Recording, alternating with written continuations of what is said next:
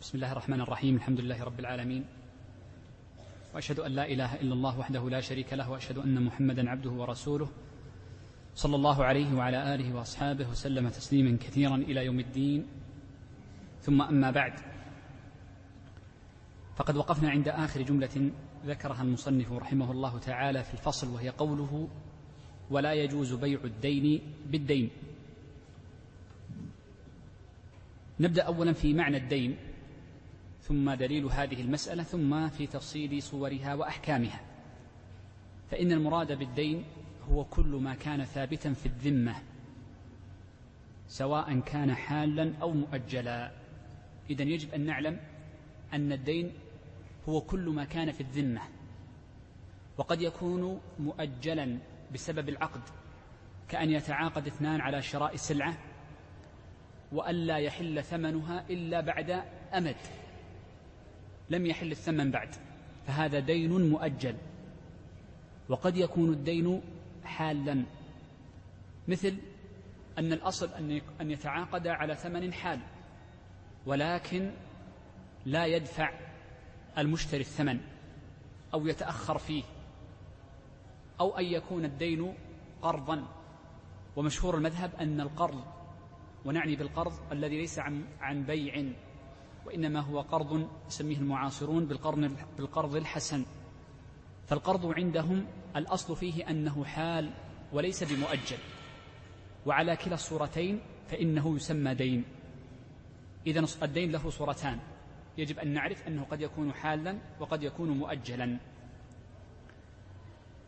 والدليل على أن بيع الدين بالدين منهي عنه ما روي عند الحاكم من حديث ابن عمر رضي الله عنهما أن النبي صلى الله عليه وآله وسلم نهى عن بيع الكالئ بالكالئ وهذا الحديث ضعفه الأئمة كالإمام أحمد والشيخ تقي الدين بن تيمية.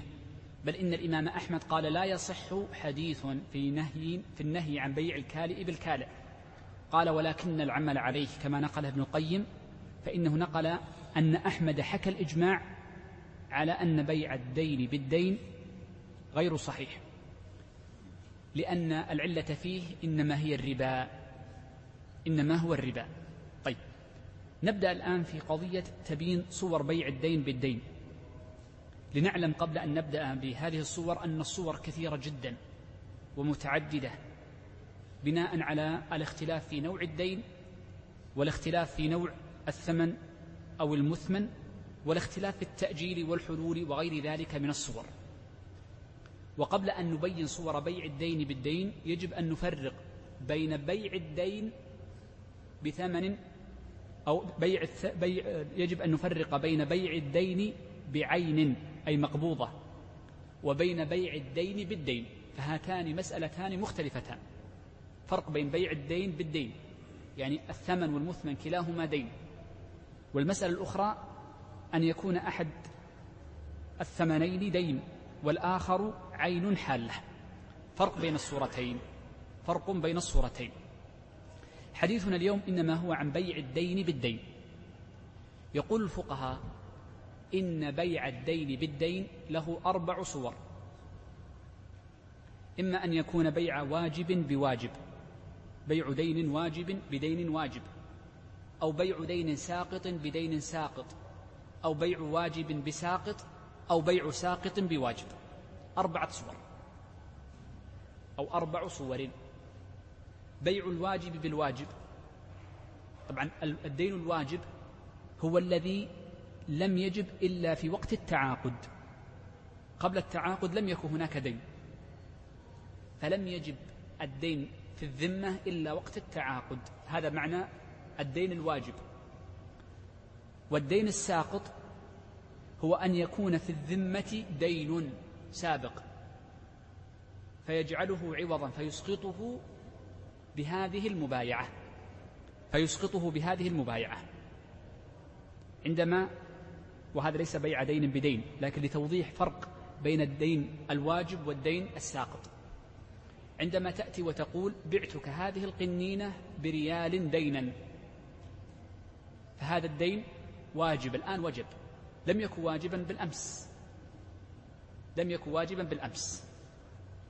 الصورة الثانية عندما تأتيني فتقول سآخذ هذه القنينة منك مقابل الدين الذي في ذمتك.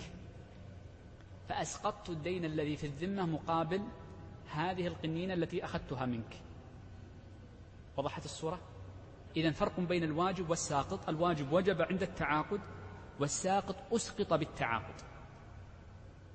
ونحن نتكلم ليس عن بيع الدين بالعين وإنما نتكلم عن بيع الدين بالدين.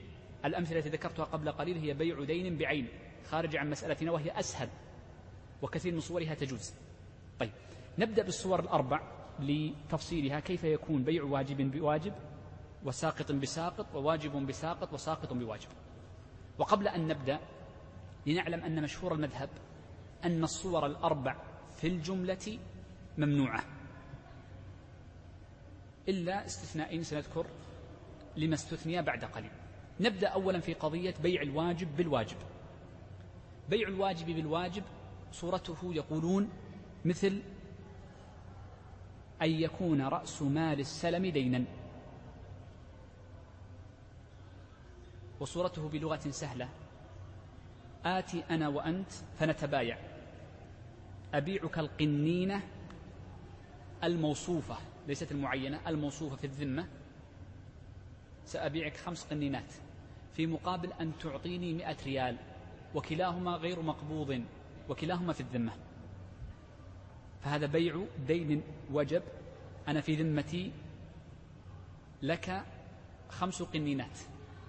دين وجبت بالعقد.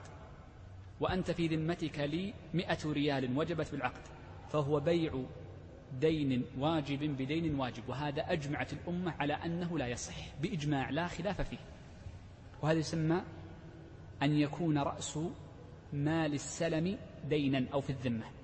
لأن من شرط السلم أن يكون صحيحا لا بد أن يكون المال حال بإجماع. ولا خلاف في هذه المسألة. وهذه أسهل المسائل فابتدأنا بها. الصورة الثانية والمذهب مشهور المذهب أنها لا تصح. لكن فيها خلاف عند عند كثير من أهل العلم فيها. وهو بيع الساقط بالساقط بيع الدين الساقط بالدين الساقط. أنا وأنت شيخ في ذمتك لي مئة ريال وفي ذمتي لك مئة ريال أو خمسين دولار سواء من جنس واحد أو من جنسين. خلينا نقول من جنسين أحسن لأن من جنس واحد قد يكون باب التساقط. من جنسين مختلفين. فأقول سأسقط الخمسين في مقابل أن تسقط المئة. أسقطت وأسقطت. كل واحد أسقط الدين الذي يقابله. فالمذهب أنه ما يصح وهذا اللي يسمى باللغة عند الفقهاء يسمون يسميه في لغة الفقهاء بالمقاصة. يسمونها المقاصة. فالمقاصة إذا لم يكن جنسا واحدا ونوعا واحدا جنسا ونوعا واحدا يجب أن تكون النوع والجنس واحد يعني من حيث الجودة. ريال بريال فيتساقطان. يجوز. لكن إذا لم يكن جنسا واحدا وإنما من جنسين مختلفين أو نوعين مختلفين فإنه على المذهب لا يصح. لا يصح بيع الساقط بالساقط. هذه الصورة الثانية. واضحة؟ جدا. طيب. الصورة الثالثة بيع الواجب بالساقط.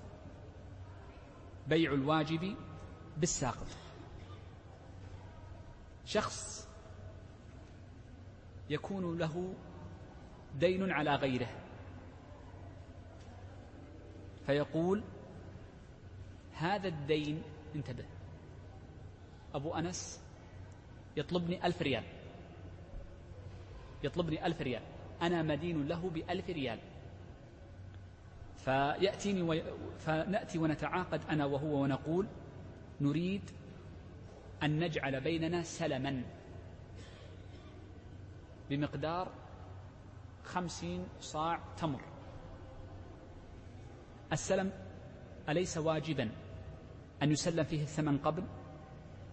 طيب فقال لي أبو أنس قبل أن لن أسلمك الثمن ولكن الألف التي في ذمتك هي ثمن المسلم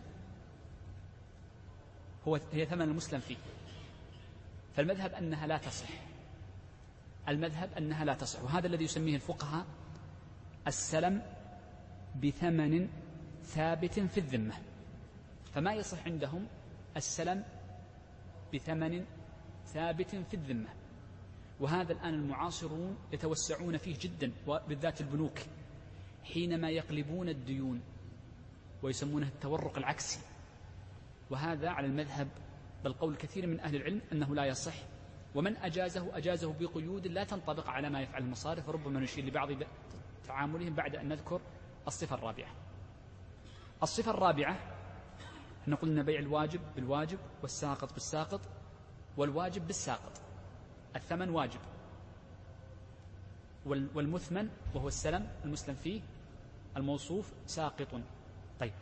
أو العكس عفوا. الساقط لأنهم يقولون كيف تعرف الثمن من المثمن؟ قاعدة. كيف تعرف الثمن من المثمن؟ عندهم قواعد. من أهم القواعد فيها قالوا إذا دخلت الباء عليه فهو ثمن.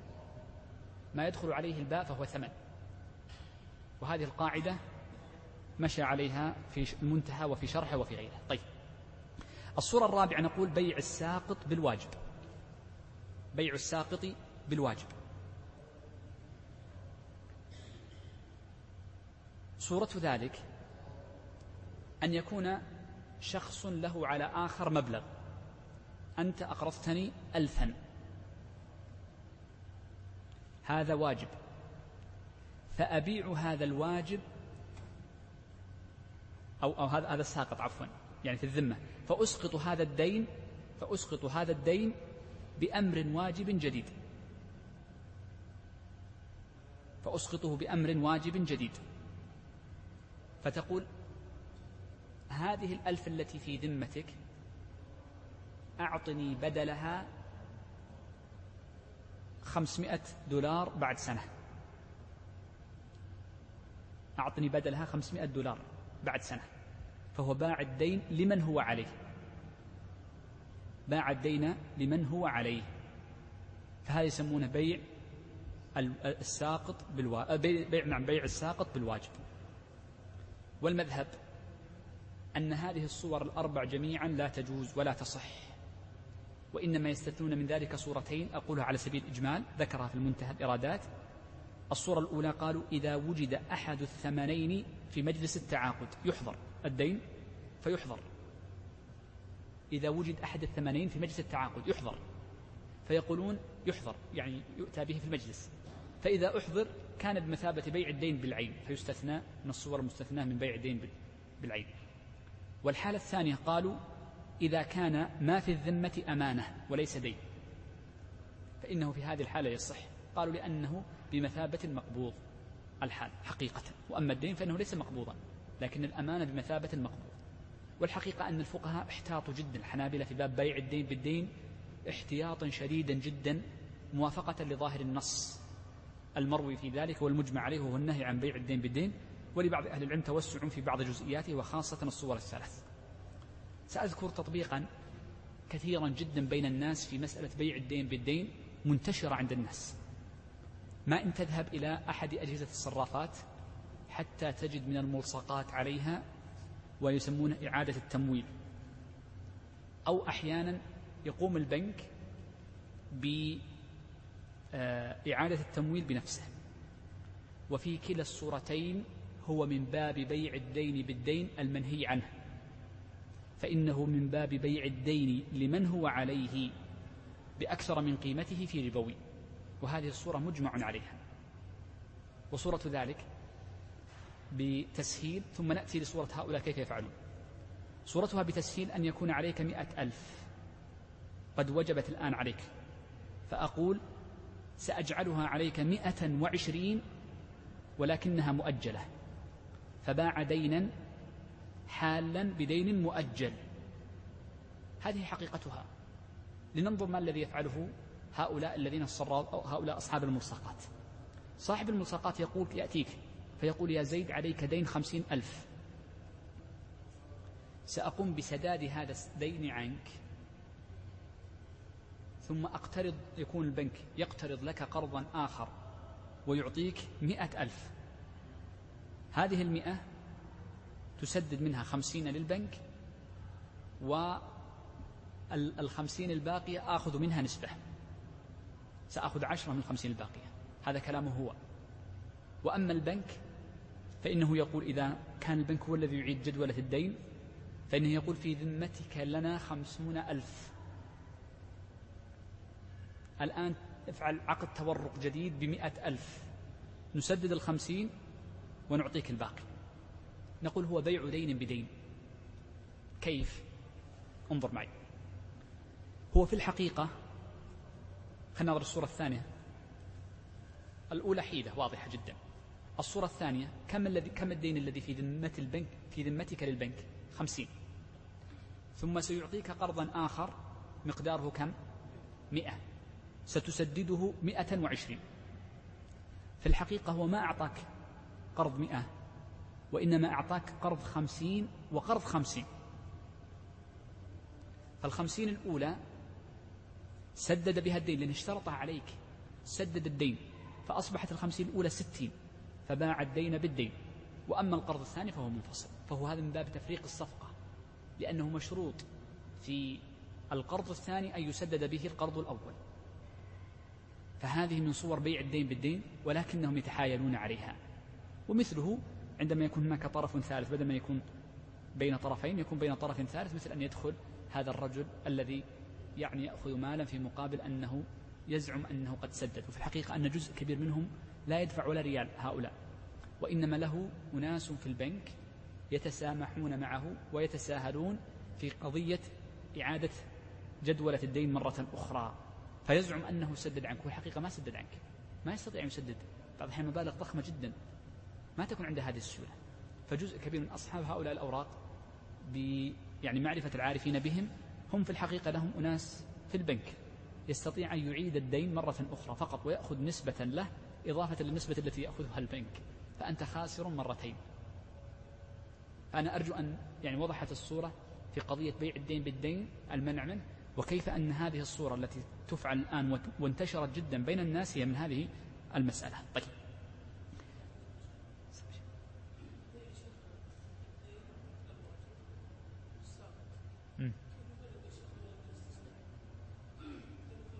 طيب الاستصناع هو الأصل أنه يجب فيه أن يكون الثمن معجل. هذا الأصل. لأن الجمهور يرون أن عقد الاستصناع صورة من صور السلم وإنما قال فقهاء الحنفية وحدهم أن عقد الاستصناع عقد منفصل. لما عرض هذا الأمر على مجمع الفقه قالوا إن كلام الفقهاء وقواعدهم تقتضي أن يكون في الاستصناع الثمن معجل. يجب ذلك. هذه قواعدهم قال ولكن نقول للحاجة ولعمل الناس نذهب إلى الجواز. فهم ذهبوا إلى الجواز. الحقيقة أن على قواعد المذهب وقواعد الجمهور أنه ما يصح عقد الاستصناع إلا بثمن إلا بد أن يكون دينا بدين لأن بيع دين بدين لكن في يعني كلام يخرج على كلام جماعة من أهل العلم منهم الشيخ تقي الدين لأنه نتكلم عن رأي الشيخ تقي الدين في بيع الدين. الشيخ تقي الدين يتوزع يتوسع في باب بيع الدين توسعا كبيرا جدا. فعنده أن الصور أربع لقلناها قبل قليل إنما يحرم الأولى فقط والثانية والثالثة والرابعة يبيحها بشروط. فعنده توسع في هذا الباب. يعني سيأتي إن شاء الله في غير هذا الدرس إن شاء الله. طيب. يقول الشيخ فصل بدأ في هذا الفصل بذكر أحكام التصارف والمراد بالتصارف أو الصرف هو بيع نقد بنقد. فلا بد أن يكون الثمن والمثمن كلاهما نقد ونعني بالنقد الذهب والفضة أو ما يقوم مقامهما من هذه العملات وهذه النقود التي يتعامل بها الناس في هذا الزمان يقول الشيخ ومتى افترق المتصارفان؟ المراد بالمتصارفين من كان متبايعين لنقد أي الثمن والمثمن كلاهما نقد. قال ومتى افترق المتصارفان قبل قبض؟ الافتراق يعني إذا افترقا من المجلس. افترقا من مجلس التعاقد. وأما إذا لم يفترقا من مجلس التعاقد بأن طال المجلس أو مشيا معا فإنه لا يصدق عليهما أنهم قد تفارقا بل هم ما زالوا في مجلس التعاقد. قال فإن ومتى افترق المتصارفان قبل قبض الكل أو بعضه بطل العقد. وأما كونه قد بطل العقد فدليله حديث عبادة بن الصامت رضي الله عنه أن النبي صلى الله عليه وسلم قال الذهب بالذهب يدا والفضة بالفضة يدا بيد هاء بهاء أي مثلا بمثل. فدل ذلك على أنه إذا لم يكن هناك يد بيد فإن العقد باطل. فإن العقد باطل. طيب. آه، عندنا هنا مسألتان. المسألة الأولى في قول الشيخ أو, أو نبدأ بها مسألة مسألة في قوله افترق المتصارفان. عرفنا أن الفرقة ما المراد بها؟ هي الفرقة عن, عن, عن المجلس التي تكلمنا عنها في خيار المجلس. والمسألة الثانية في قوله قبل قبض قبل القبض. وصفة القبض أيضا سبق الحديث عنها والتفصيل. كيف يكون قبض المعدود؟ وكيف يكون قبض المكيل؟ وكيف يكون قبض الموزون والمذروع وغير ذلك؟ وغيره بالتخلية. طبعا هنا الذهب والفضة ليس فيه تخلية. فإن نعم قبل قبض الكل أو البعض. الكل أي كل الثمن والمثمن أو البعض بعض الثمن أو بعض المثمن. قال بطل العقد. لم يصح وعرفنا دليله. قول المصنف بطل العقد اعترض بعض أهل العلم على عبارة بطل. قالوا فإن كلمة بطل العقد توهم أن العقد كان صحيحا ثم بعد ذلك بطل. وهذا الاعتراض اعترض به البرهان بن مفلح في المبدع على الموفق في المقنع. وقال إن أن العبارة الأصوب هي عبارة أبي القاسم الخيرقي حينما قال فلا بيع بينهما. فيكون مرتفعا أساسا. وأجاب الشيخ منصور البهوتي في حواشي الإقناع بتوجيه على اعتراض المصنف وهو اعتراض يعني في قضية دقة العبارة وإلا الحكم متفق عليه بين الجميع. نعم يقول فيما لم يقبض فيما لم يقبض. مقصوده فيما لم يقبض أي في البعض الذي لم يقبض.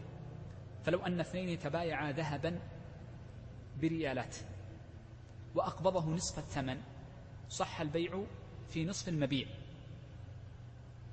ولم يصح في في النصف الآخر. وهذا مبني على قاعدة وهي قاعدة تفريق الصفقة. فإن فقهاء الحنابلة يعملون وبتوسع مبدأ عظيما في المعاملات وهو مبدأ تفريق الصفقة. فإذا بيع حلال بحرام أو كان عقدا باطلا في جزئه دون جزئه الآخر فإنه يصح في الجزء دون الباقي. إن أمكن الفصل بينهما. يقول الفقهاء رحمه الله تعالى ويلحق بالمتصارفين بنفس الحكم والهيئة وسيأتي إن شاء الله فيما لو لم يقبض أو لو لم يقبض نعم يقبض رأس مال السلم فإنه يأخذ حكم العقد فيبطل. لأن تذكروا في الدرس قبل الماضي قلنا إن القبض له ثلاثة أحوال إما أن يكون شرطا في العقد فإذا لم يوجد لم يصح العقد مثل عقد الصرف وعقد السلم. وإما أن يكون شرطا في اللزوم كالهبة وإما أن يكون شرطا في نقل الملك والتصرف بعد ذلك كسائر البيوع فيما يشترط فيه في المذهب. طيب. يقول الشيخ والدراهم والدنانير تتعين بالتعيين في العقد. فلا تبدل. فلا تبدل. هذه مسألة فيها كلام بين أهل العلم وهي قضية هل الدراهم والدنانير تتعين أم لا تتعين؟ وهذه المسألة لها فروع كثيرة. فمن فروعها أن الشخص إذا نذر التصدق بدراهم محددة. أخرج مئة ريال وقال لله علي نذر أن أتصدق بهذه المئة. ولكن هذه المئة تلفت. فهل يلزمه أن يأتي بغيرها؟ مبني على قضية هل الدراهم والدنانير تتعين بالتعيين أم لا. ومن صورها أيضا في قضية الأمانات. فإن من جعل عند غيره أمانة من نقد.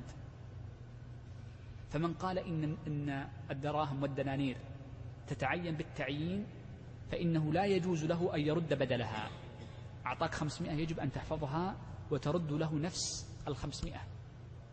ولا تعطيه بدلها إلا أن يكون بإذنه أو جرى عرف بالسماح به. جرى عرف عام لا فرق بينهما. ومن فروعها مسألة المعنى في الباب. يقول والدراهم والدنانير تتعين بالتعيين. وعرفنا معنى التعيين وهو التحديد بأن يقول بعتك بهذه بهذه الخمسمائة ونحو ذلك. قال تتعين بالتعيين في العقد سواء كان العقد عقد بيع أو التزام نذر وتصرف لله عز وجل أو في عقد الأمانات. قال فلا تبدل ما يلزم ما يجوز له أن يبدلها بغيرها. والحقيقة أن قول الفقهاء إنها تتعين بالتعيين مبني قديما على أن الدراهم تختلف. لأن الدراهم في الحقيقة بعضها يختلف عن بعض.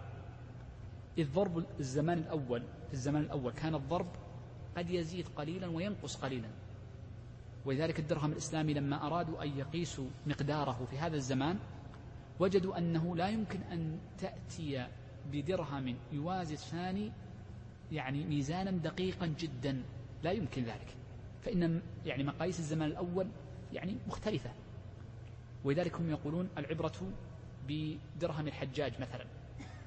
ودرهم الحجاج يسمونه الدرهم الإسلامي الذي سبق تقديره بأن اثنين جرام جر بأنه جرامان وخمس وتسعون بالمئة.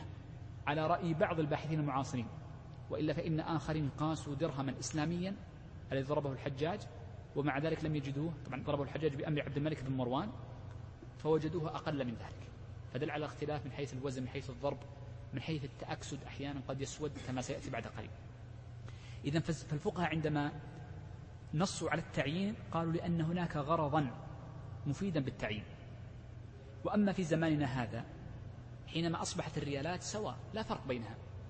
الريال رقم خمسة والريال رقم ألف نفس القيمة. لا فرق حتى الجديد والمهتدئ سواء ولا تسقط قيمته. فنقول يجب هنا أن, أن نقول قد يتسامح في قضية التعيين.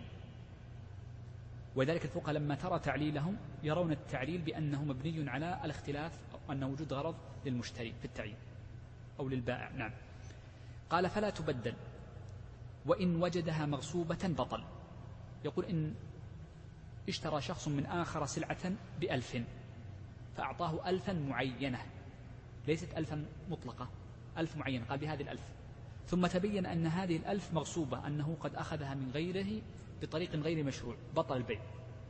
ولا يلزم ولا يلزم آه، البائع أن يقبل بدلها. ما يلزم ذلك؟ لأنها تتعين بالتعيين. وهذه من الآثار المترتبة على أن الدراهم والدنانير تتعين بالتعيين. قال ومعيبة أي بانت معيبة من جنسها. شوف المعيبة نوعين. الدراهم والدنانير عيبها أحيانا يكون العيب من جنسها وأحيانا يكون العيب من غير جنسها.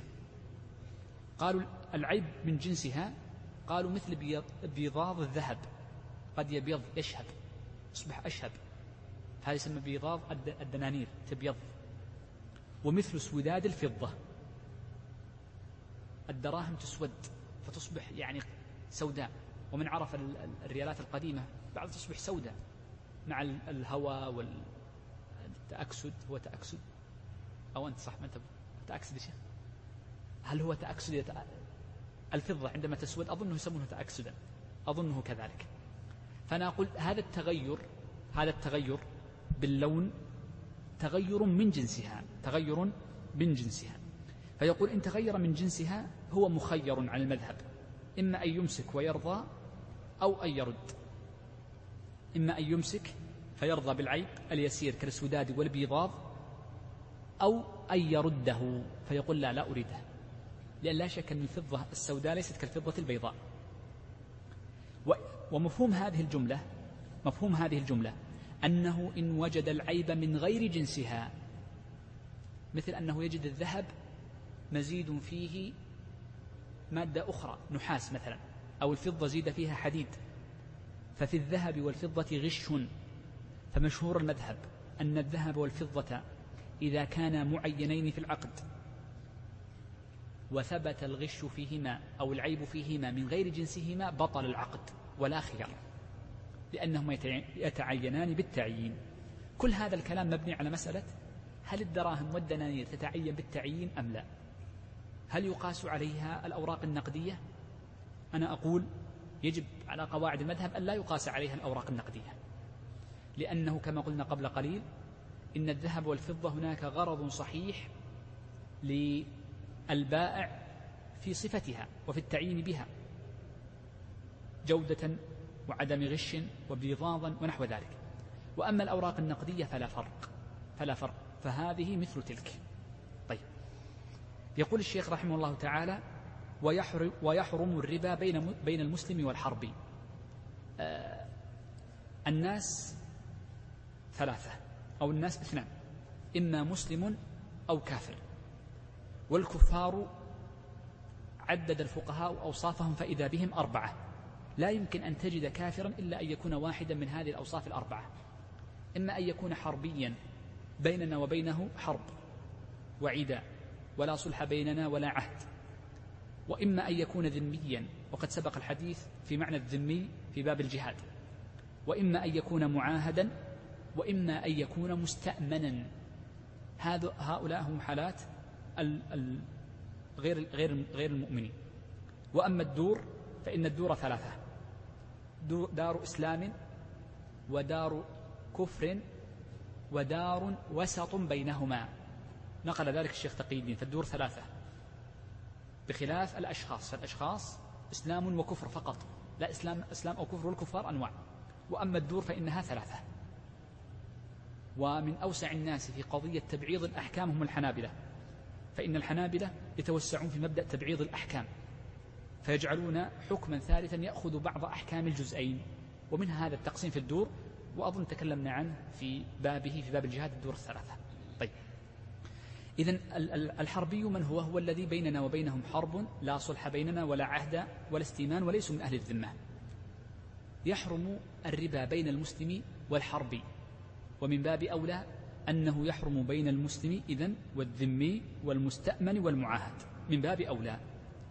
وإنما نص المؤلف على حرمة الربا بين المسلم وبين الحرب لأن من الفقهاء من خالف في ذلك.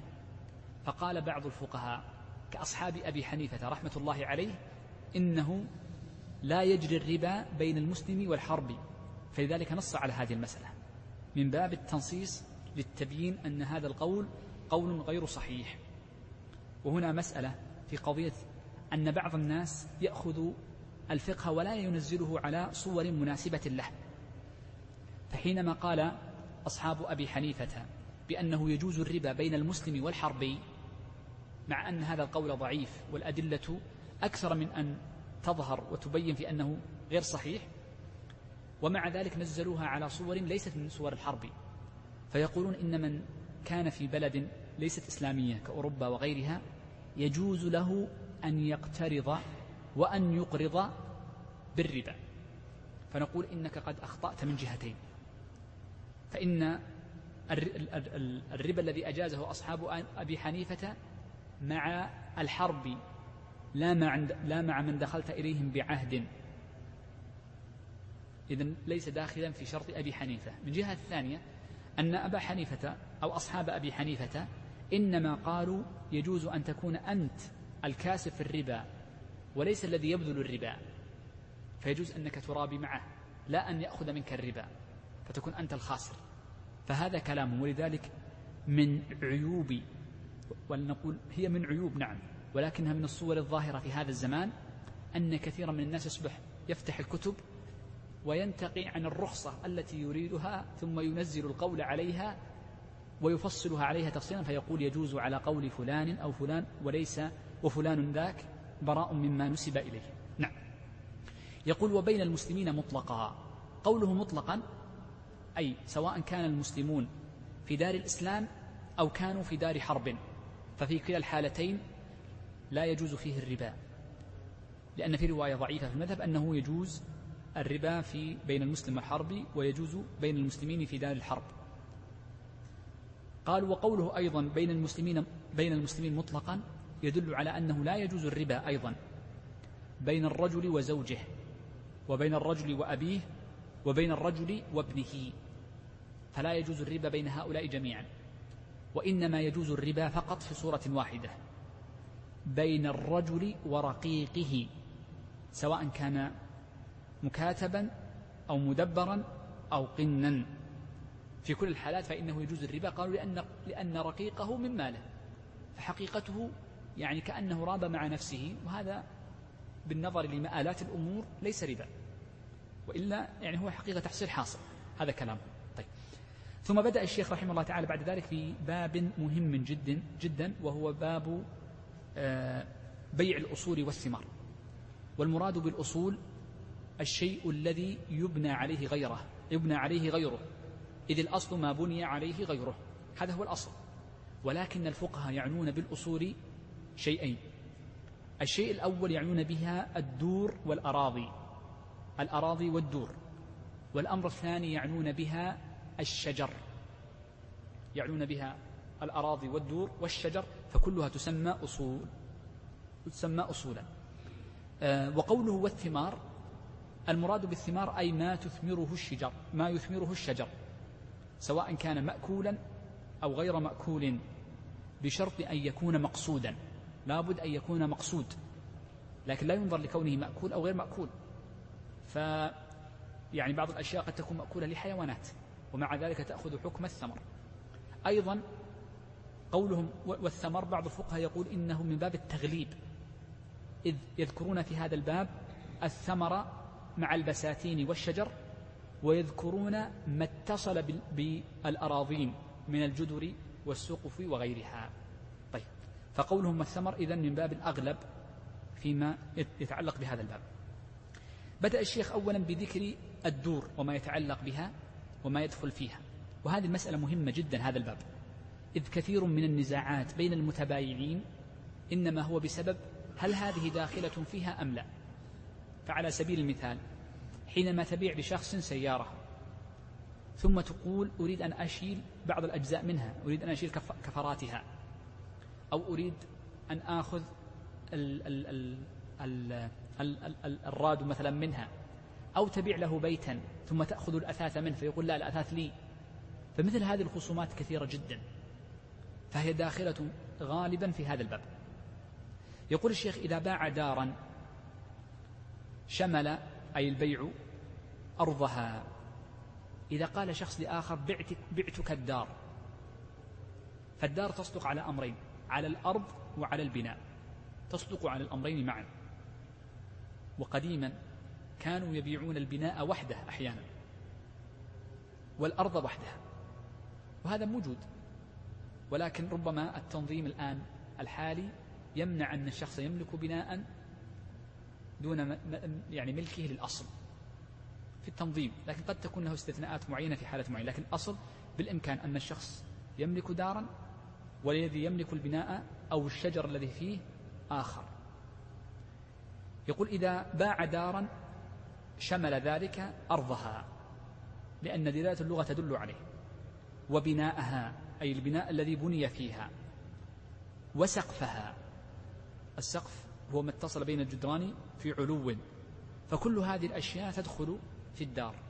قد يقول بعض الناس هل, هل يمكن أن الناس شخص يبيع دار ولا يبيع بناءها؟ نقول نعم. في الزمن الأول كان لنقض البيوت قيمة عالية جدا فإنها كانت مبنية من حجارة. فكانوا يأخذون هذه الحجارة بقيمة عالية. الآن هذا القضاض يسمونه قضاض باللغة العامية وهو الهدام. لا قيمة له بل أنت تدفع لأناس ليأخذوه ويرموه. إلا أن يكون فيه حديد فيباع الحديد فإن للحديد قيمة. الآن بدأوا يشترون الحديد. لكن في الزمان الأول كان ربما قيمة البناء أعلى من قيمة الأرض. في الزمان الأول. ولذلك نتكلم عن حكم كلي قد يوجد في وقت وفي حال دون حال. طيب. آه، قولهم شمل أرضها وبناءها وسقفها. قاعدة في ذلك في السقف بالخصوص وما بعده أن كل شيء اتصل بهذه الأرض متصل ليس منفصل. وكان لمصلحتها فإنه داخل في مسماها هذا هو الضابط أن كل ما اتصل بالدار وكان لمصلحتها فإنه داخل فيه. مثاله البناء السقف الباب المنصوب منصوب يعني أنه مركب. ليس بابا قد تبيع دارا وفي موضوع في داخل الفناء أبواب مفكوكة. هذه الأبواب المفكوكة يجوز أنك تأخذها لأنه ليس منصوبا ليس مثبتا. فالأصل أن الباب المثبت يكون تابعا للبيع أو للدار. قال والسلم السلم مثل الدرج أو هو الدرج والرف. المقصود بالرف طبعا الرف الذي يكون ثابتا في الجدار متصلا به. قال والسلم والرف المسمورين أو السلم والرف المسمورين أي ثابتة فيها ومتصلة. والخابية والخابية المدفونة طبعا قصد يعني الخابية ما هي؟ الخابية مثل سم؟ مثل الزير بالضبط هو الزير هو هو, حقيقته. ففي يعني بعض بعض البيوت القديمة يجعلونها مدفونة لكي يعني تحافظ على يعني يعني قدر معين من الحرارة أو البرودة. فناسب أن تكون مدفونة. قال دون ما هو مودع فيها من كنز وحجر. مودع فيها أي مجعول فيها من كنز كأن يحفر ويجعل فيها مال. لا هذا مودع وليس من مصلحتها بخلاف السابق فإنه مصلحة الدار. وحجر قد يجعل فيها حجر من باب الإيداع كذلك. قال ومنفصل منها أي ليس معلقا بها. سأتكلم بعد قليل عن قضية المسموع.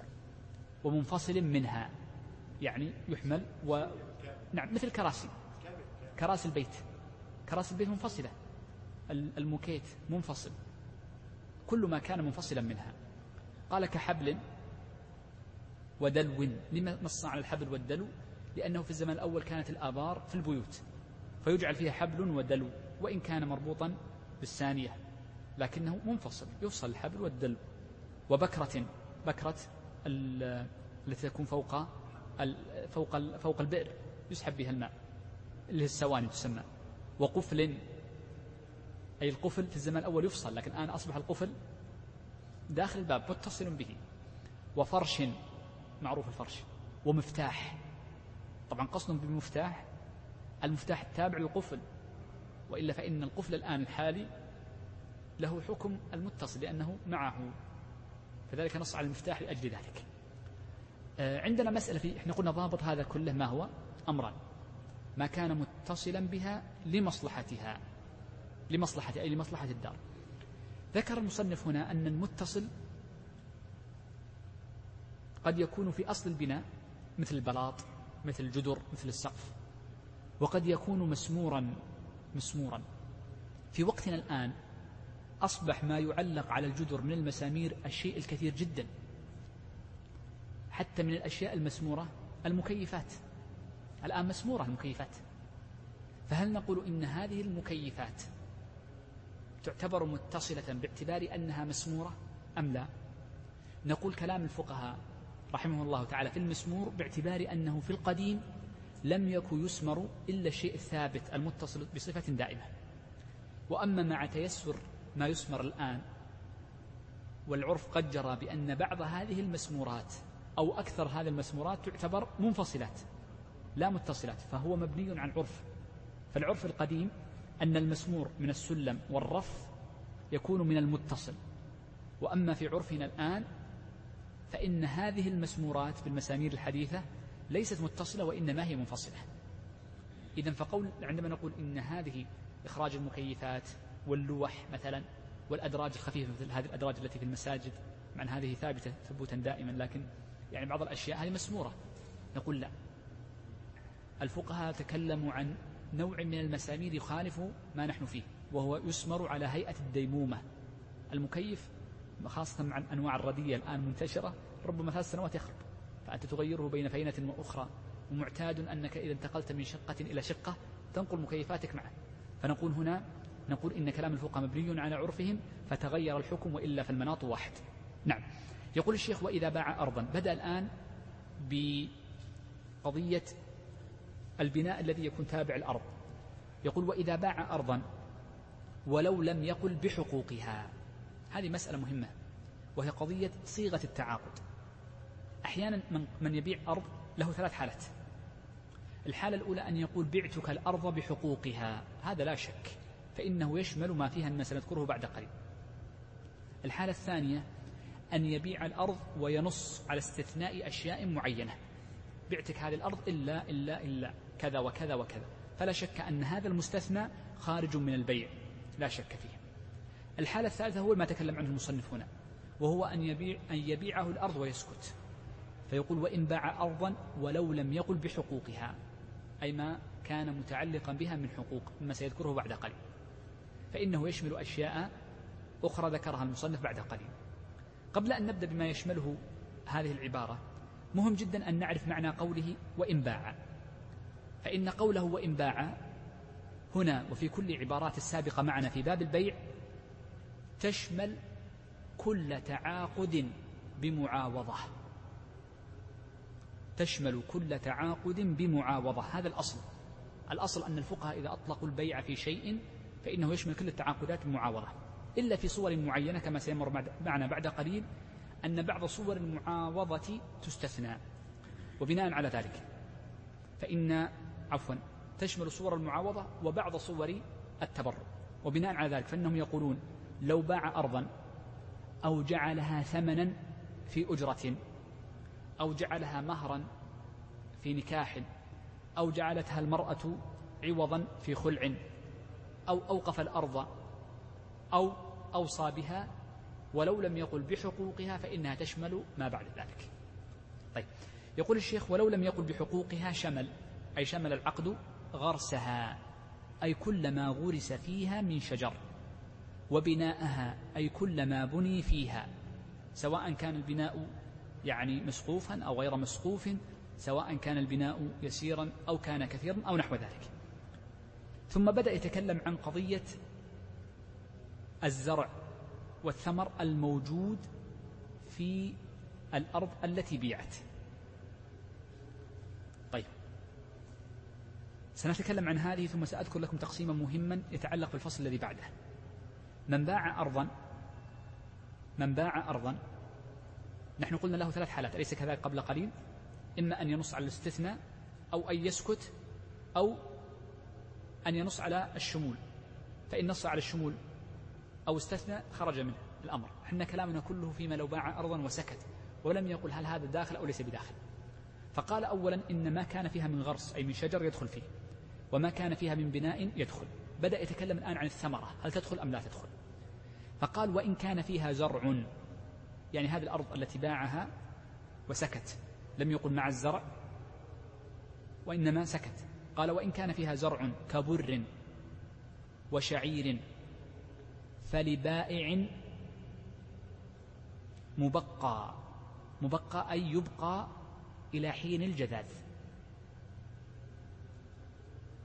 فإن كان الزرع ظاهرا فإنه يكون للبائع.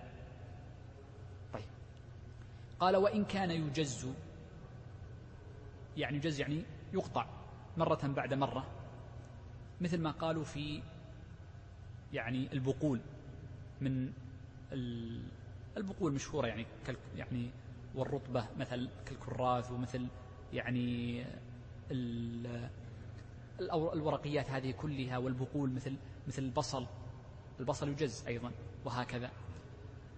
قال وإن كان يجز أو يلقط مرارا فأصوله للمشتري. يعني ما في الأرض يكون للمشتري طبعا الذي يلقط مرارا الذي يثمر أكثر من مرة. مثل عندنا الآن الكوسة تلقط أكثر من مرة الباذنجان يلقط أكثر من مرة الجح يلقط أكثر من مرة وهكذا. هذا قوله أو يلقط. أو يلقط مرارا مما تتكرر ثمرته فأصوله للمشتري أي الشجرة التي تنبت هذه الأمور فللمشتري. والجزة التي كانت ظاهرة وقت التبايع واللقطة الأولى قال والجزة واللقطة الظاهرتان أي الأولى هي الظاهرة عند البيع للبائع وإن اشترط المشتري ذلك صح. بناء على ذلك ملخص هذه الجملة باختصار شديد. نقول إن من باع أرضا وسكت عما يحتويها فإن اشترطها المشتري انتهينا. وإن اشترط استثناها البائع انتهينا منها لكن سكت. فنقول إن سكت عنها فإن البناء والغرس كله للمشتري ويستثنى من ذلك الزرع وما يجز وما يلقط. إن كان قد ظهر هذه الأشياء ظاهرة. فإنه يأخذها البائع فقط. فإنه يأخذها البائع. وما عدا ذلك فإنه يكون من الأصول تكون للمشتري. طيب. يقول الشيخ فصل وهذا هو الفصل بين فيه الشيخ رحمه الله تعالى بيع الثمرة وحدها. نحن عندنا بيع الأصل مع الثمرة له ثلاث حالات. إما بيع الأصل مع الثمرة معا وهي التي أن يشترطها المشتري وهي قوله وإن اشترط المشتري ذلك صح. إذا عندنا ثلاث حالات. ركز معي. من باع أرضا فيها ثمر لها ثلاث حالات. الحالة الأولى أن يبيع الأصل مع الثمرة. وبينها المصنف في آخر جملة وهي وقوله وإن اشترط المشتري ذلك صح. الحالة الثانية أن يبيع الأصل آه، وحده بدون الثمرة. أن يبيع الأصل وحده دون الثمرة. وهو الذي بينه المصنف قبل قليل. وقال إن الثمرة إذا كانت ظاهرة فإنها تكون لمن؟ للبائع. وأما الأصل فإنه يكون للمشتري. هذا واضح. الحالة الثالثة هنا إذا باع الثمرة فقط جاء رجل فاشترى البر ولم يشتري الأرض اشترى التمر ولم يشتري الأرض. واشتراء الثمرة وحدها من الأمور الدقيقة التي فصلها الفقهاء تفصيلا طويلا ولذلك عقد لها المصنف هذا الفصل. وأما اشتراء الأصل فهو سهل واشتراء الأصل مع ثمرة هي أسهل فإنه يجوز فإنه يجوز. طيب. طبعا اشتراء اشتراء الأصل مع ثمرته يجوز سواء قبل التأبير قبل التشقق قبل كل شيء لا ينظر للوقت. طيب. يقول الشيخ فصل هذا الفصل هو في بيان بيع الثمرة وحدها. قال ومن باع نخلا تشقق طلعه فلبائع مبقا إلى الجذاذ. طيب. عندنا في هذه الجملة مسائل.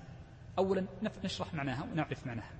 قوله من باع نخلا وفي معنى من باع نخلا من جعلها أجرة من جعل غير ذلك. إلا طبعا يستثنون من ذلك أمرين الوقف والوصية فإنهم يقولون من باع من أوقف نخلا أو أوصى بها فإن الثمرة تتبع الأصل تتبع الأصل على مشهور المذهب. قالوا لأن الوقف والوصية فيها معنى التبرع ولا مشاحة فيها فاستثنوها لأجل التبرع. يقول الشيخ من باع نخلا وسيأتي ما ما يعني يشابه النخل من حيث بدو الصلاح كيف يكون. قال من باع نخلا قد تشقق طلعه. تشقق طلعه يعني بدأ يظهر الطلع معروف اللي هو الذي يخرج من من فيه الثمرة. حمل النخل يسمى طلعا. فإذا بدأ يتشقق ويخرج الثمر يبان الحبوب صغيرة ولو لم يعني يظهر لونها بعد وتميز. فمن حين يتشقق ويظهر ما فيه فإنه في هذه الحالة يأخذ حكما جديدا. يأخذ حكما جديدا. قال فلبائع مبقا إلى الجذاذ. مبقا إلى الجذاذ. آه طبعا هذه الجزئية طبعا هذه الجزئية قول ومن باع نخلا تشقى طلع الحقيقة هي متعلقة ببيع الأصل. هي متعلقة ببيع الأصل وحده. البيع الثمر بعده يبدأ في الجملة بعد سنذكرها بعد قليل. فلذلك آه، نلحقها بمسألة بيع الأصل. آه، جاء حديث عن النبي صلى الله عليه وسلم في الصحيحين من حديث ابن عمر أن النبي صلى الله عليه وآله وسلم قال من باع نخلا مؤبرا فهو للبائع إلا أن يشترطها المبتاع. فبين النبي صلى الله عليه وسلم في هذا الحديث أن من من باع النخل يعني وقد كان مؤبرا فإن الثمر يكون للبائع فإن الثمر يكون للبائع والأصل يكون للمشتري. عندنا هنا إشكال بين الحديث وبين كلام المصنف. فإن الحديث من باع نخلا مؤبرا. والتأبير هو التلقيح. بينما الفقهاء جعلوا العبرة بالتشقق بتشقق الطلع. زين؟ فتشقق الطلع أو تشقق طلع طلعه يكون سابقا للتلقيح. فلماذا خالفوا حديث النبي صلى الله عليه وسلم؟ نقول حقيقة لم يخالفوا. وإنما هم قالوا إن هذا الحديث من باب دلالة الاقتران. فغالبا ما يكون بعد التشقق التلقيح وهو التأبير. ولكن التأبير أمر خفي. ما كل يعرفه.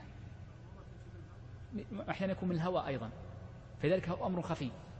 فننيط الحكم بما كان مقارنا له مما غير عين المبيع. فالتشقق يغير العين لكن التلقيح ما تدري هل لقح أو لم يلقح. ولذلك بعض النخيل في هذا الوقت هي غرست من زمان أول. كان بعض الصالحين قد زرع نخلا. وعندما زرع هذا النخل جعل بين كل نخلتين فحالا يعني نخلة ذكر. فلما قيل له في ذلك أضعت أرضك وأرضه صغيرة قال سيأتي اليوم الذي لن يؤكل هذا التمر فيه. وصدق فهذا النخل موجود الآن وهو الوحيد بين النخيل التي بجانبه تثمر لأن الهواء ينقل آه، اللقاح من الشجرة إلى الشجرات التي بجانبها وأصبح يأكل ثمره الطير والدواب إذا ساقط من شيء وهكذا لأنه أصبح عيدان طويل جدا. إذا فالتلقيح أمر خفي ما تجزم به فننظر لقرينه وهو التأبير. وذلك الفقهاء لما قالوا تشقق طلعه يشمل قبل التأبير وبعده. حتى لو تيقن أنه لم يؤبر فإننا نقول يأخذ الحكم. فإن العبرة بالظاهر. فإن العبرة بالظاهر. والنبي صلى الله عليه وسلم يعني أناط الحكم بالمقارن. طيب. إذا عرفنا هذه المسألة. عندنا بس مسألتان لغويتان. المسألة الأولى في قوله مبقا إلى الجذاذ يعني يكون في ملك البائع ويجوز له تأخير من حين الجذاذ. كلمة الجذاذ يصح بالذال المعجمة ويصح بالدال المهملة. جداد. أو جذاذ وجذاذ يصح فيها الضم والفتح ويصح جداد بالفتح. فيقال جداد فيصح بالدال والدال. هذه مسألة. المسألة الثانية في قوله تشقق طلعه. آه، الشيخ منصور في كشاف القناع قال إنها بكسر الطاء. طلع. ولكن حقيقة أن كتب اللغة كل أن كتب اللغة كلها على أنها بالفتح لا بالكسر. ولا أدري ما هو وجه الشيخ منصور في أنه لا في الطاء. قال إن الطاء هي المكسورة. لأن العين ثابتة يعني هي معربة فتتحرك بحسب موقع الجملة. فهم دائما ما يتكلمون عن الفاء وعين الفعل. وأما اللام فهي حسب موقع الإعراب إلا في المبنيات فإنها ثابتة. طيب. نعم. يقول الشيخ إلا أن يشترطه مشتر. هذه مثل السابقة فإنه إذا اشترطه المشتري فإنه يأخذ الأصل ويأخذ الثمرة معه من باب التبع من باب التبع. ثم بين ما يقاس على النخل فقال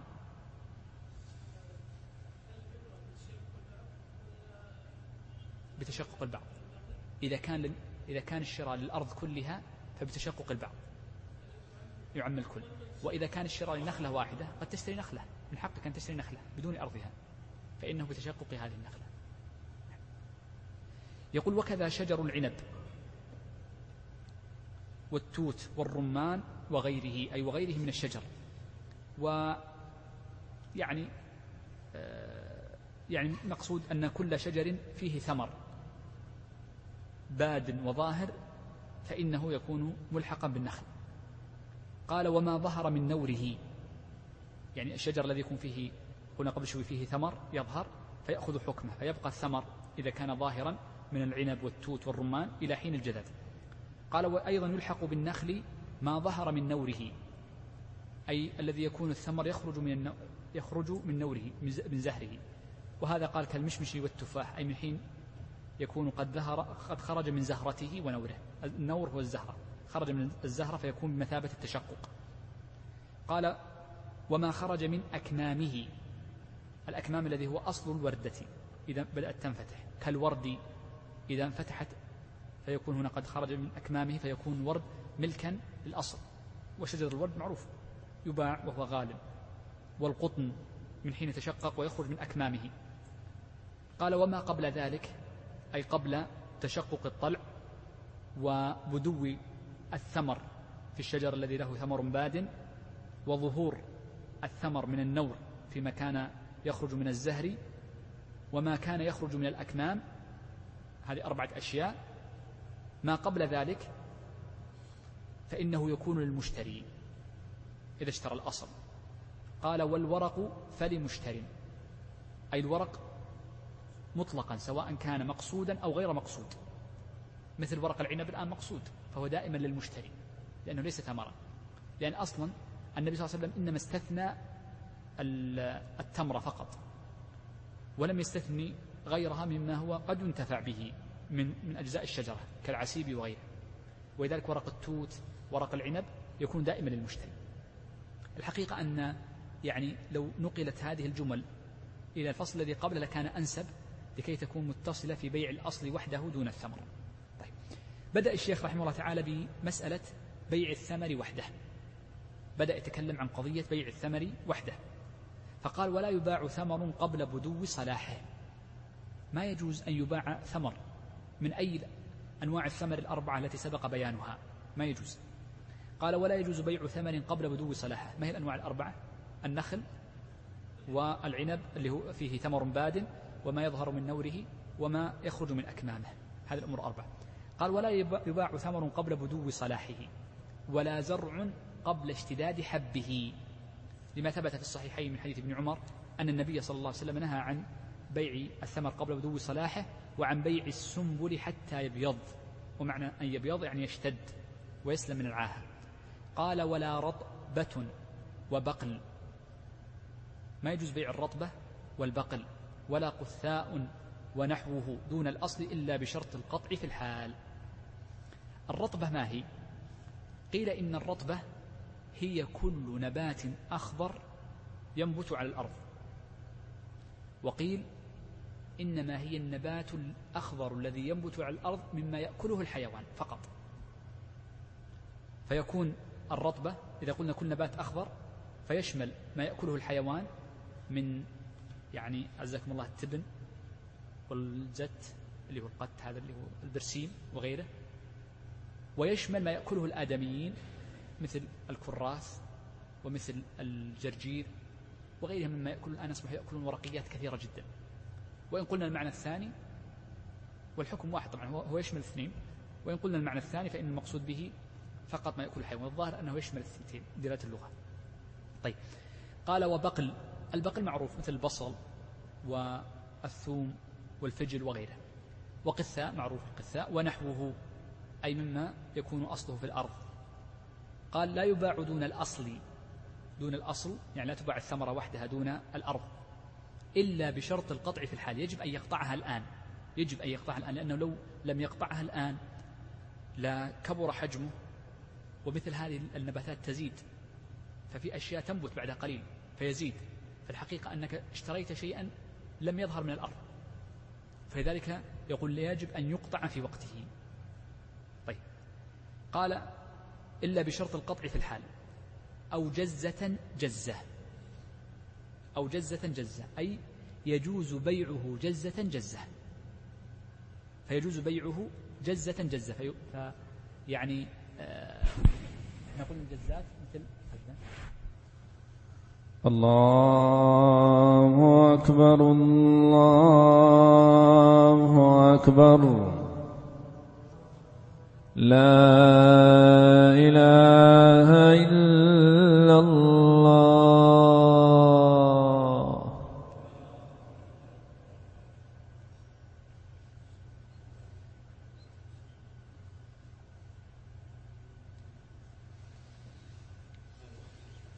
نعم. قول الشيخ رحمه الله تعالى أو جزة جزة أو لقطة لقطة يعني أن هذا الخارج من الأرض يجوز أن تبيعه جزة جزة.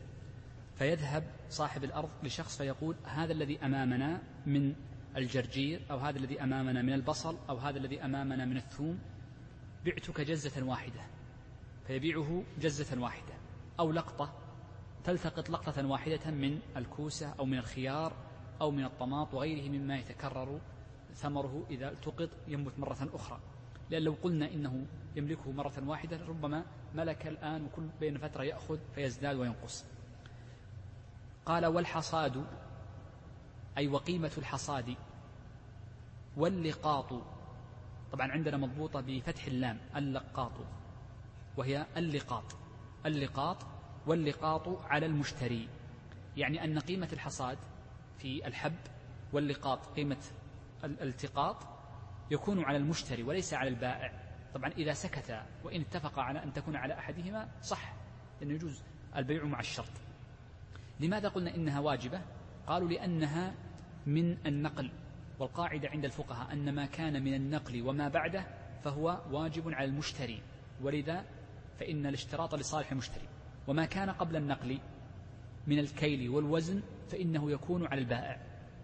أجرة الكيل والوزن تجب على البائع. وأما النقل وما في معنى النقل وألحق بالنقل اللقاط والحصاد فإنها تكون على المشتري. يعني إما أن يفعلها هو أو يعني يستأجر أحدا.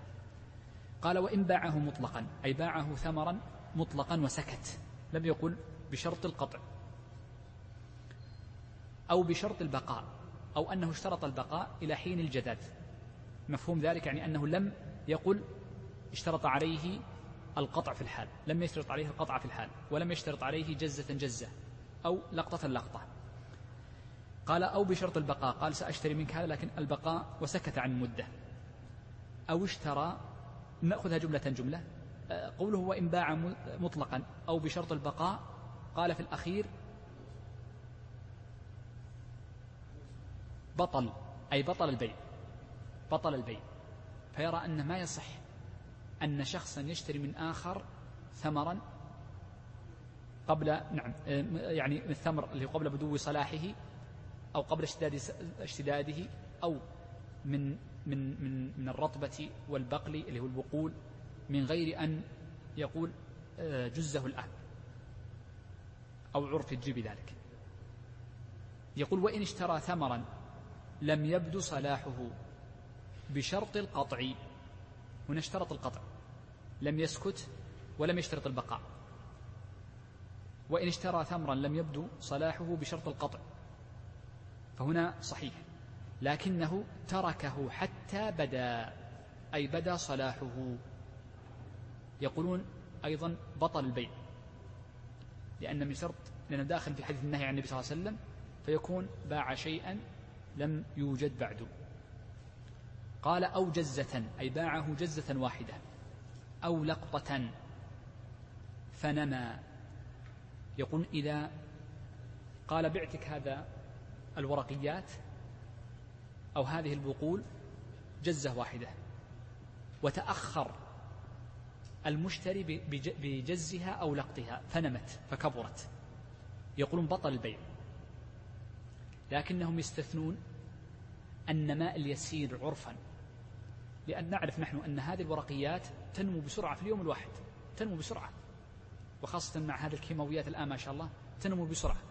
فنمو الورقيات أو أو ما يلتقط ما يلقط من هذه التي توقط أكثر من مرة النمو اليسير. عفوا فإنه آه، معفو عنه.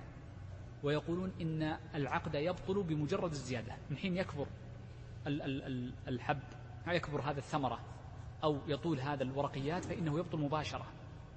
يبطل.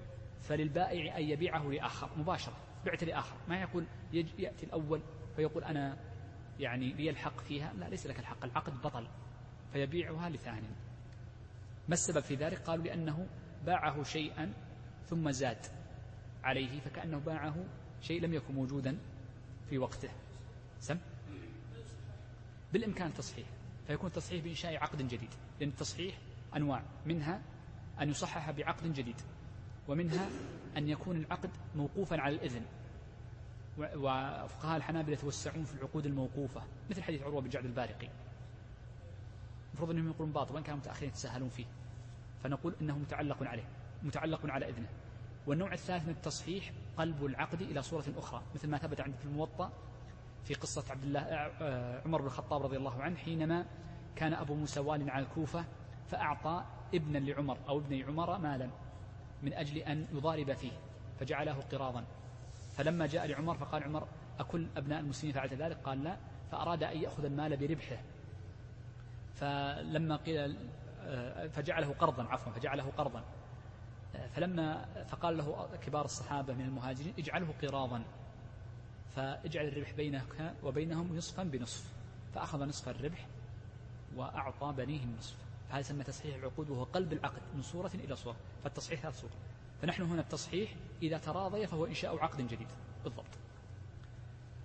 آه، قال أو اشترى. هذه الجملة الأخيرة أنا قاصدها لأن هي محل إشكال. قال أو اشترى ما بدا صلاحه. انتبه الكلمة اشترى ما بدا صلاحه. من اشترى ثمرا قد بدا صلاحه فالعقد صحيح. لكن ما الإشكال هنا؟ قال أو اشترى ما بدا صلاحه وحصل آخر واشتبها. اشترى يعني صورة ذلك يقول لها صورتان. الصورة الأولى إذا كان في الشجرة الواحدة ثمر للبائع غير الذي باعه. مثل واحد اشترى نخلة فيها ثلاثة عدوك فاشترى أحد هذه العدوك ثم واحد من هذه الثلاثة أو الخمسة. ثم اشتبه عليه أيها الذي له؟ أهو هذا أم ذاك؟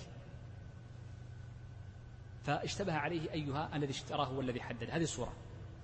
الصورة الثانية أن تكون الشجرة قد حدث فيها ثمر جديد.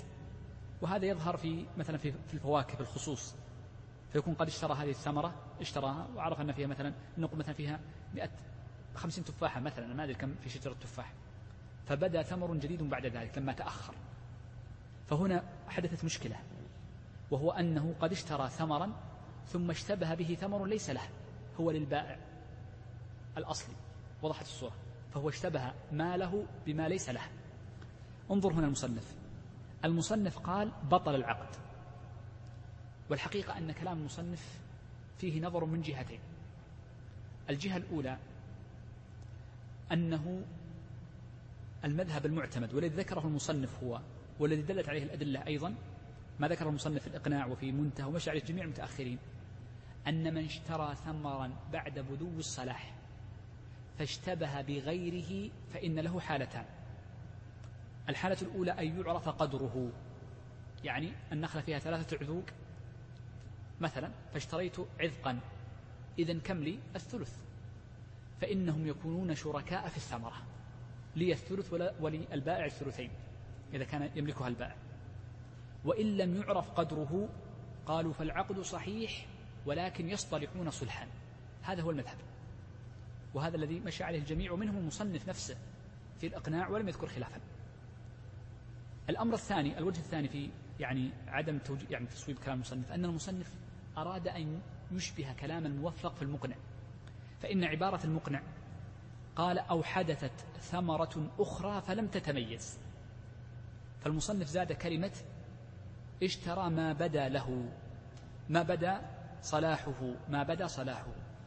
بينما كلام الموفق إذا حدثت ثمرة وكان شراؤها قبل بدو الصلاح فهي معطوفة على الجمل الأولى لم يذكر أنها كان بعد بدو الصلاح فهي معطوفة اشترى ثمرا لم يبدو صلاحه بشرط القطع وتركه حتى بدا أو جزه أو جزة أو لقطة, أو لقطة فنمى أو حصل آخر واشتبه. كيف نحل المشكلة؟ ولا يكون هناك مخالفة. فإذا حذفت قوله ما بدا صلاحه نحل الإشكال. طيب ووافق المذهب. طيب قال أو عرية هذا يعني اشتراها من باب العرايا لأن من شرط بيع العرايا على المذهب بشرط الجز سيمر معنا إن شاء الله. أو لا, لا, لا لم يذكرها المصنف. المصنف لم يذكر العرايا في الزاد حكم العرايا المفروض أنه ذكرها في باب الربا وإنما ذكرها غيره. وبيع العرايا هو بيع الرطب بخرصها تمرا بشرط الجز وأن يكون لحاجة وأن يكون خمسة أوسق فأقل. طيب. آه، أو أن يكون أقل من خمسة أوسق. طيب. قال أو عرية أي باعه عرية.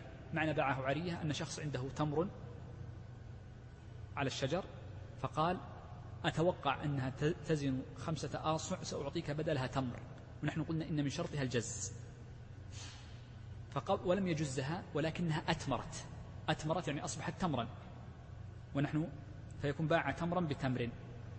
قال بطل أي بطل العقد لأنه أصبح ربا. باع تمر تمرا بتمر ولم يعرف ولم يعرف بينهما التماثل والجهل بالتماثل كالعلم بالتفاضل.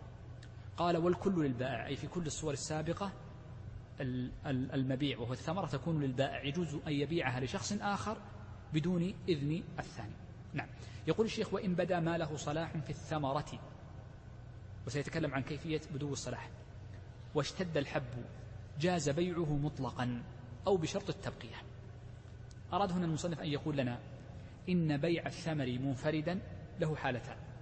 الحالة الأولى أن يكون بعد بدو الصلاح فيجوز مطلقا. والحالة الثانية أن يكون قبل بدو الصلاح فإنه لا يجوز إلا بشرط القطع إلا بشرط القطع. ليس بشرط التبقية. أما شرط التبقية فإنه يبطل العقد. قال وللمشتري تبقيته إلى الحصاد والجذاذ. يجوز. يجوز له أن يؤخره. نحن نعرف أن الحب لأن بعد بدو الصلاح. ليكمل نضج نعم. ليكمل نضج يعني مثلا أعطيك مثلا نقول في التمر يعني أغلب معرفتي به. قد يشتري التمر بعدما أصبح لونا أحمر أو أصفر. ولكن يقول أريد أن أجعله صرام. يعني أقطعها وهي متمرة لكي أكنزها كنزا. يجوز له. ما يلزم أنه يخرفها وهي لون وهي رطب. إلا في العرايا فإن العرايا يجب عليه أن يقطعها وهي رطب. طيب. قال إلى الحصاد والجذاذ. طبعا هنا مسألة في قضية العرية. بيع العرية ليس بعد قبل بدو الصلاح وإنما بعد بدو الصلاح. يجب أن نعرف هذا الشيء. طيب. قال ويلزم البائع سقيه إن احتيج إلى ذلك أو إن احتاج أي الزرع إلى ذلك. احتيج مبني مجهول أو احتاج الزرع إلى ذلك. الزرع أو, أو الثمر أو الثمر نعم. وإن تضرر الأصل. بعض الناس يقول إن السقي في بعض الأوقات يضر الشجرة فيجعلها السنة القادمة ما تثمر ثمرا جيدا. وهذا يظهر في بعض الشجر مثل الزيتون وغيره فإن والنخل أيضا أحيانا يمنعون عنها الماء لكي يكون ثمرها في السنة القادمة قوي. لكن إذا بعت الثمر واشترط المشتري تأخير تأخيره فيجب عليك سقيه وإن تضرر الشجر ب يعني ضعف الإنتاج السنة القادمة. قال وإن تلفت بآية بآفة سماوية. هذه مسألة مهمة وهي قضية تلف المبيع بالآفة السماوية.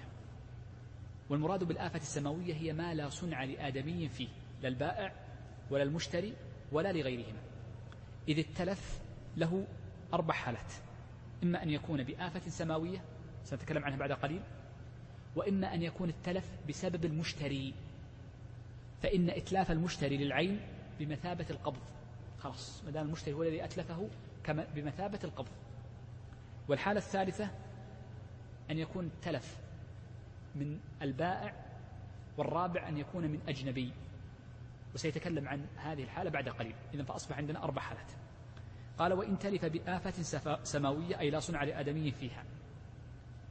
رجع على البائع لما ثبت عن النبي صلى الله عليه وسلم أنه أمر بوضع الجوائح.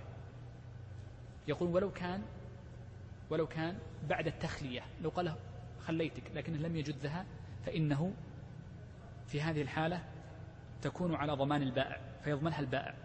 إلا في حالة واحدة. إذا تأخر تأخرا خارجا عن العادة. تأخر. أطال جدا. خلى الثمر. فهذا خروج عن العادة. إذا تأخر تأخرا خارجا عن العادة ففي هذه الحالة نقول إنه تكون من ضمان المشتري. آه إذا متى تكون من ضمان المشتري؟ في حالة واحدة. إذا تأخر في الجذاذ تأخرا خارجا عن العادة. وهناك حالة أخرى. إذا كان المشتري قد اشترى الثمرة مع الأصل فإنها لا تكون في ضمان البائع لأن الثمرة تابعة للأصل والأصل أصبح في ملك المشتري فتكون في ضمان المشتري. نعم. يقول وإن أتلفه آدمي يشمل الآدمي الأجنبي ويشمل البائع. خير مشتري بين الفسخ أي فسخ العقد والإمضاء أن يمضي العقد ومطالبة المتلف سواء كان البائع أو غيره. لعموم الأحاديث التي جاءت في أن النبي صلى الله عليه وسلم خير في باب الخيار فيما سبق معنا. بدأ الشيخ بمسألتين قصيرتين وهي قضية كيف يعرف بدو الصلاح. قال وصلاح بعض الشجرة صلاح لها. يعني إذا صلحت بعض الشجرة بعض الثمر صلاح للجميع. ولسائر النوع الذي في البستان. إذا بان يعني بعض الشجر صلاحه بالصورة التي سيذكرها بعد قليل ولو لم يكن الشجر الباقي قد احمر أو اصفر. قال وبدو الصلاح في ثمر النخل أن تحمر أو تصفر. لما ثبت في الصحيحين أن النبي صلى الله عليه وسلم نهى عن بيع الثمرة حتى تحمار أو تصفر كما جاء في حديث أنس من حديث جابر النحوة. قال وفي العنب أن يتموه حلوا يعني يصبح فيه تموه يعني يصبح فيه زي الماء ليس قاسيا يصبح لين في داخله ماء وحلوا يكون فيه طعم الحلاوة. لأن قد يكون تموه فساد. فهذا لا يعتبر نحن قد يكون فساد خراب لكن حلوا قال وفي بقية الثمر أن يبدو فيه النضج يعني يظهر أنه نضج ويطيب أكله لقول النبي صلى الله عليه وسلم أن آه، في حديث ابن عمر في الصحيحين أنه نهى عن بيع السنبل حتى يبيض ويأمن من العاهة. طيب قبل أن أبدأ بقي عند الجملة وينتهي الدرس تاما. أريدكم أن تستذكروا معي سؤالا مهما أو سأسأل سؤالا فأجيبوني عنه. بيع الشجرة أو الثمرة. هناك أحكام تتعلق بالظهور. وهناك أحكام تتعلق بالتشقق وما في حكمه. وهناك أحكام تتعلق ببدو الصلاح. بدو الصلاح. وهناك أحكام تتعلق بالجذاذ أخذناها كاملة اليوم. نبدأ أولا بالظهور. بالظهور مجرد ظهوره. هذا متعلق بالرطبة والبقل اللي هي الباقلاء البقوليات عفوا الباقلاء غير البقوليات. أنه إذا كان ظاهرا جاز بيعه بشرط جزه هذا الظهور. وكذا الثمار الباقية أي ثمر بمجرد ظهوره يجوز بيعه بشرط إيش؟ جزه. كل ثمر يجوز بيعه بشرط جزه أو قطعه. انتهينا منه. الحالة الثانية وهو التشقق. ما الحكم الذي يتعلق بالتشقق؟ طبعا التشقق بعد بعد الظهور الظهور خلينا نبدأ نضرب مثال في النخل. ظهور العذق الصغير هذا. وإذا انشق. ما الذي يتعلق به؟ أن من اشترى أصلا قبل التشقق فيكون ملكا لمن؟ للمشتري. وبعد التشقق يكون للبائع. من, من اشترى أصلا وحده. ليس أصلا مع الثمر أصلا وحده. تكون للبائع. انتهينا منه. الحالة الثالثة الأحكام المتعلقة ببدو الصلاح. جواز بيع ماذا؟ بيع الثمرة. أحسنت. الأحكام المتعلقة بالجذاذ. آخر مسألة. إذا تلف قبل الجذاذ إذا تلف قبل الجذاذ فإنه يكون في ضمان من؟ البائع حتى لو قال أنا فاتح لك بس أنت أخرت. ما دام التأخر ليس خارجا عن العادة فإنه في ضمان البائع طيب آخر سؤال. لكي نختم به الجملة التي بعدها. كيف يكون تشقق النخل وكيف يكون بدو صلاح النخل؟ في النخل في ثمرة النخل كيف يكون تشققها؟ وكيف يكون بدو صلاحها؟ تفضل شيخنا. خروجه من طبعه ولو لم يؤبر. إيه؟ باصفراره أو احمراره طيب في العنب أبي من هنا يا شيخ. في العنب كيف يكون تشققه أو ما يلحق بتشققه؟ سم شيخ تعرف من العنب يا شيخ؟ شيخ سلطان؟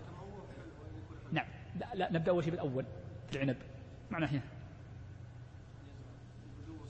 أن تبدو الثمرة تخرج. هذا هو ملحق بالتشقق. وبدو الصلاح بتموهه. أحسنت شيخ. طيب. آخر جملة وننهي الدرس كاملا. قال الشيخ ومن باع عبدا له مال. تكلم عن مسألة ربما لا وجود لها الآن وهي قضية من باع العبد. باع عبدا لكن الفقهاء ألحقوا بها مسائل حذفها المصنف سأذكرها بسرعة وهي بيع الحيوان. قال من باع عبدا له مال كان له مال فماله لبائعه وليس للمشتري. لأنه باع العبد والمال الأصل فيه أنه ملك لبائعه فهو منفصل عنه. قال إلا أن يشترطه المشتري إلا أن يقول ترى اشتريت هذا العبد مع ماله فيجوز. قال فإن كان قصده المال إنما اشترى العبد لأجل ماله اشترط علمه أي لا بد أن يكون البائع عالما بالشرط عالما بقصده لا بد أن يكون عالما بقصده. وهذه فائدة عظيمة جدا هذا يدلنا على أن العبرة ليست بالألفاظ بقدر ما هو العبرة بالمقاصد. العبرة بالمقاصد. فإذا علم البائع والمشتري أن القصد هو التبع فإنه ينعقد العقد عليه. قال وسائر شروط البيع وإلا فلا. أي لا بد أن يكون يعلم سائر الشروط سواء إما العلم نصيا أو عرفيا بينهما أو عرفيا بينهما. الملحقة بقضية العبد قال وثياب الجمال للبائع. ثياب الجمال هذه طبعا للعبد التي على العبد تكون للبائع. قال والعادة للمشتري هذا في العبد لكنها أيضا حتى في الحيوان. فقديما في الخيل والإبل يجعلون عليها آه، ثيابا يسمونها الجلال. مرت معنا في كتاب الحج مثلا أو السرج. أظن تسمى سرج سرج هي؟ سرج ليست سرج. سرج أظن بالسكون. فهذه الأشياء الأصل أنها البائع لأنها للجمال والزينة. وأما ما جرت العادة به كالكسوة الدائمة أو مثلا حذاء حذاء الخيل مثلا. وبعضهم يقول واللجام ملحق به في رواية في اللجام لأنها ملحقة به. فهل تكون معه أم لا؟ الظاهر أنها مما جرت العادة ببيعه معه فيكون العادة للمشتري. بذلك نكون بحمد الله أنهينا درسنا وأنهينا كتاب الربا كاملا.